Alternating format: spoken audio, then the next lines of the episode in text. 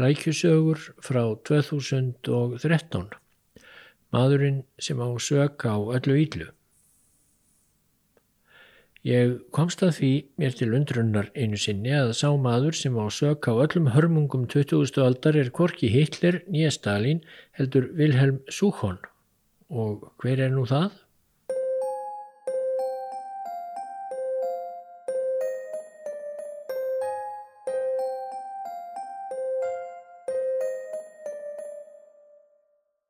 Einhver tíma í upphafi þessa litla greinaflokks þá myndist ég á kurs sem Guðni T.H. Jóhannesson hefur verið með í Sagfræðideild Háskóla Íslands og fjallar um hjásögu sem sé hefði sögulega ef hvað hefði breyst í sögunni ef einhver atbörður hefði endað öðruvísi en hann gerði í raun og veru. Ég var svo þeirrar ánægu aðnjótandi að fá að halda smá tölu yfir nefndum Guðna og spjalla þar um þetta áhuga mál mitt fram og tilbaka og ef ég má halda áfram á persónlegum nótum þá glattiði mig sérstaklega að eftir á gaf einn nefndarna sig á talvið mig og saði mér að grein sem ég skrifaði fyrir all mörgum árum um efni af þessu tægi hefði korki meirin í minna en kveikt slíkan áhuga á sögu í brjósti hans að einmitt þess vegna satt hann nú þarna skráður í Sagfræðideild Háskóla Íslands og góðri leið með að verða sagfræðingur. Ég var reyndar næstum búin að gleyma þessari grein sjálfur en fór svo að rifja upp fyrir mér þá sögu sem ég sagði þar og hún er vissulega ansi merkileg, þótt skrifuð sé í nokkuð léttum dúr og kveikir nokkrar verulega erfiðar spurningar um framvindu sögunar. Samkvæmt þeirri kenningu sem varpað var fram í greininni þá var nefnilega eiginlega allt ílt sem hent hefur í mannkinsögunni á 20. öld og fram á okkar dag einum og aðeins einum manni að kenna og það er ekki Adolf Hitler, það er ekki Jósef Stalin, það er ekki einu sinni Mao Zedong, heldur Wilhelm Suchon. Og nú reikna ég með að flestir kvái, það er líka vonum því Suchon þessi er vægast sagt ekki mjög þekktur maður. Í sögu fyrirhimstyrjaldarinnar nær hann stundum einni málskrein en verður yðurlega að sætta sig við að vera innan sviga og oft er hreinlega ekki á hann minnst.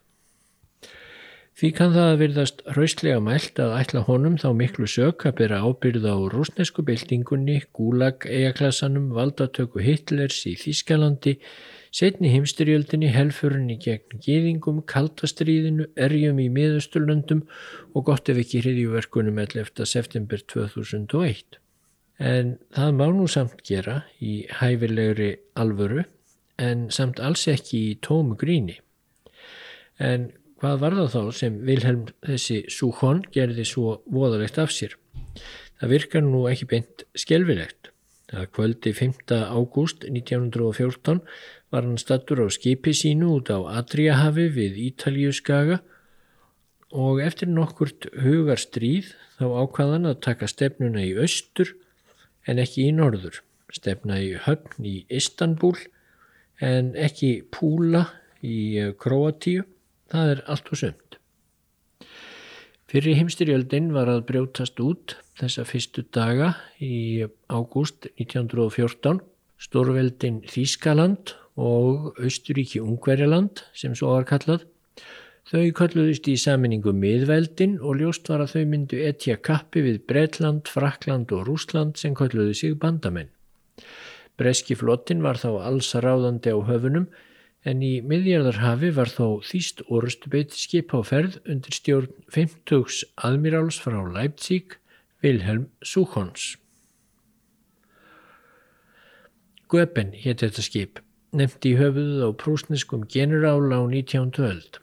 Skipið hafði skotið á franskar bækistöðar í Allsýr fyrir nokkrum dægrum en þurfti nú nöðsynlega að komast í skjól því stór bresk flotadeild var að sapnast saman til að elda það.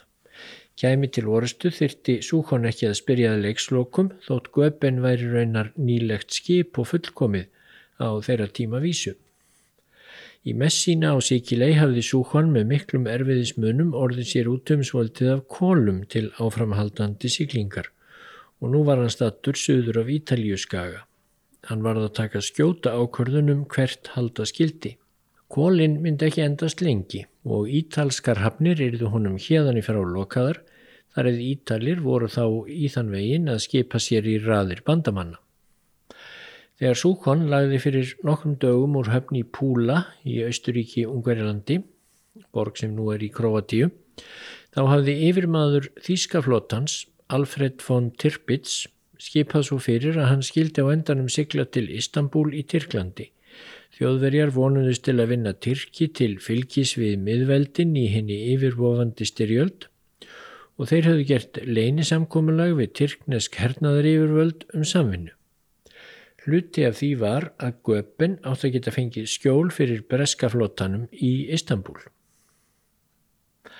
En nú var komið babb í bátinn. Bandalag við þjóðverja mætti mikilli ansbyrnu málsmetandi manna í Tyrklandi og á þessari stundu var ekki útleitt fyrir að neitt yrði úr neinu. Tyrkland yrði væntanlega hlutlust í stríðinu. Þjóðverjar voru ekkert að síta það um of. Þeir byggust við að knésétja bandamenn á skamum tíma og þyrtu svo sem enga sérstakka hjálp Tyrkja við það, töldu þeir. En Tirpitz hafði því sendt Súhón skeiti og sagt honum að hætta við að sigla til Istanbul. Þá var í rauninni aðeins ein rökriðt leið fyrir Súhón að sigla sem skjótast norður Adriahafið aftur og leggjast að nýju við stjóra í Púla þar sem austrískar tundurdublavarnir og fallbissur myndu vernda skip hans fyrir breska flótanum. En hann yrði þá væntanlega að sætta sig við að vera þar innilokaður þar til styrjöldinni líki. Breski flótin myndi býða við hafnarminnið í Púla og vakta sér hverja hreyfingu göpin. Það var í sjálfu sér ekkert skjelvileg tilhugsun að vera lokaður inn í Púla til stríðsloka. Þetta var huguleg borg, veðrið þar er gott og engin bjóst við öðru en stríðinu eruði lokið eftir hálft ári í mestalagi. En Súkon leist samt ekki á þá tilhugsun að hýma bak við tundurdubla gerðingarnar í púla mánuðum saman. Honum fannst þar lítið leggjast fyrir sitt stolta skip. Og þar sem Göpen dólaði suður af Ítalíu skaga og reykurinn frá breskaflótanum var orðin sjáanlegur á sjóndildarhingnum Þá stikaði Súkon um brúna á orðstubeitisskipinu sínu og reyndi að gera upp hugsin. Og þegar stýttist í að bissu kjæftar bresku herskipana tækjuð að gelta, þá tók Súkon að lokum mjög afdreifaríka ákvörðun. Einn og sjálfur og án þess að ráðgast frekar við Tirpitz í Berlín þá ákvað flótafóringin að stefna þrátt fyrir allt til Istanbul og með því neyða Tyrki til að ganga ofinberlega í bandalag við þjóðverja. Það var í rauninni markmiðans, þótt ekki segðan það upphátt. En Súhón let nú skipstjóra Göpen stefna á fullri ferð í austurátt. Og því að Göpen var nýtt skip og hraðskreitt þá náðan að stinga bresku herskipin af og brunaði svo að lyktum norður eigahafið millir grísku eigana og inn til Istanbul. Þar gekk alltaf óskum frá hans sjónarmiði þjóðverjar buðust til að gefa Tyrkjum skipið gegn því að Súkon og menn hans stýriðu því áfram. Þeim Tyrkjum sem vildu bandalag við þjóðverja svall móður þegar þeim barst upp í hendur svo upplugur liðsauki á Svartahafinu þar sem þeir átti í eilífri tókstreitu við rúsa og skamri stundu lippuðust hlutleysis sinnar í Istanbul nýður og Tyrkjaveldi skipaði sér fljótlega í raðir miðveldana. Og orðstubeiti skipið Þíska Göpen var nú skýrt upp á nýtt Javus Sultan Selim héttað og Súkon stýrði aðgerðum þessi Svartahafi allt til ársins 1917. Gekk svo fyrri heimstyrjöldin fram eins og allir þekkja af sögubókum. Eftir óurlega bardaga í rúm fjögur ár gáfust miðveldin, þjóðverjar, austuríkismenn og tyrkir lóks upp. Úttal þeirra var þróttið í november 1918. En í hverju liggur hinn mikla sög Súhons sem ég lísti á hendur honum í upphafi? Hvaða máli skipti þessi neðanmálskrein sögunar þegar upp var staðið? Jú, Erich Ludendorff, einn æðsti hersöðingi þjóðverja, hann saði síðar að ef Tyrkir hefðu ekki komið til liðs við Þískaland árið 1914 þá hefðu yfirburðir bandamanna í liðsabla leitt til þess að þjóðverjar og austuríkismenn hefðu tapað styrjöldinni þegar árið 1916, tveim árum fyrr en raun varð á. Og undir þetta hafa fleiri tekið, bæði virtir sagfræðingar og hernaðar spekulantar af ímsu tægi. Það verðist meg að slá þessu nokkun veginn föstu. Þáttaka Tyrkja í stríðinu við hlýð miðveldana var til þess að þjóðverjar og austuríkismenn þreyðu þorra sinni tveimur árum lengur en annars hefði orðið.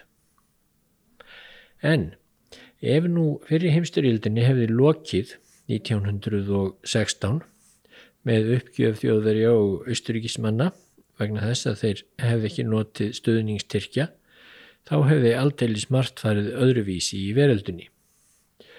Í fyrsta lagi hefði nú viðurstíkilegri slátrun síðustu tvekja stríðsárana verið afstýrt og bandarækjumenn hefðu ekki þurft að taka þátt í stríðinu. Þeir hóf ekki stríðsþáttöku fyrir 1917 og það hefði vafalítið ger breytt sögu og áherslum bandarækjana.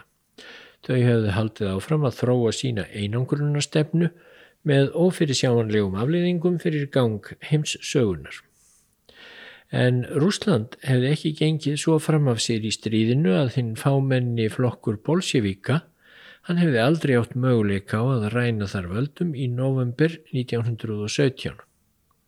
Engin Lenin hefði tekið völdin í Rúslandi. Engin Stalin komið til sögunar, ekkert Gulag og ósigur þjóðverja 1916 ef hann hefði orðið þá hefði hann að minnstakosti aldrei orðið jafn algjör og auðmíkjandi og raun var það á tveim árum setna. Runið í Þýskalandi hefði ekki orðið algjört. Þar af leiðandi engin Hitler þar sem hann skautaði til aðtigli og fræðar á þeim forsendum að þjóðverjar hefðu verið svo hart leiknir í stríðslokk Þarflegandi hefur nazistar ekki tekið völdin, sama þótt einhverjir þjóðirni sinnar í Þýskalandi hefðu kannski verið að gera sig breyða og ef engir nazistar hefðu komist til valda þá hefðu ekki verið farin einn helför gegn gýðingum.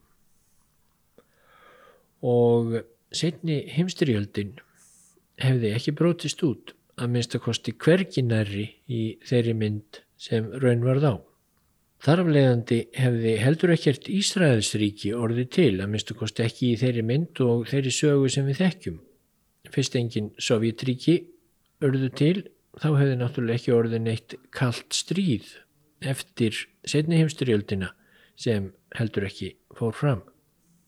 En þótt þessar hugliðingar virðist nokkuð klikkaðar þá eru þær í rauninni ekki svo galnar og þær sín okkur hvað stórviðburðir sögunar verðast sumir reistir á veikum grunni. Ef einn aðmírál stikandi um brúna í skipi sínu getur ráðið svona miklu um það sem gerist í sögunni. Og þegar ég rakst á að Winston Churchill var þessu sammála þá þann náttúrulega ekki frekari vittnana við. En hann sagði einu sinni að sigling Sukhons til Istanbul hefði haft í förmeði sér meiri slátrun, meiri hörmungar og meiri eigðileggingu en nokkru sinni hefur ráðist af áttavita skips. Og nú er ég gaman að fleiri drifu sig að skrá sig umsvefa löst í sakfræðina og skoðuðu fleiri slík dæmi um hvað ef.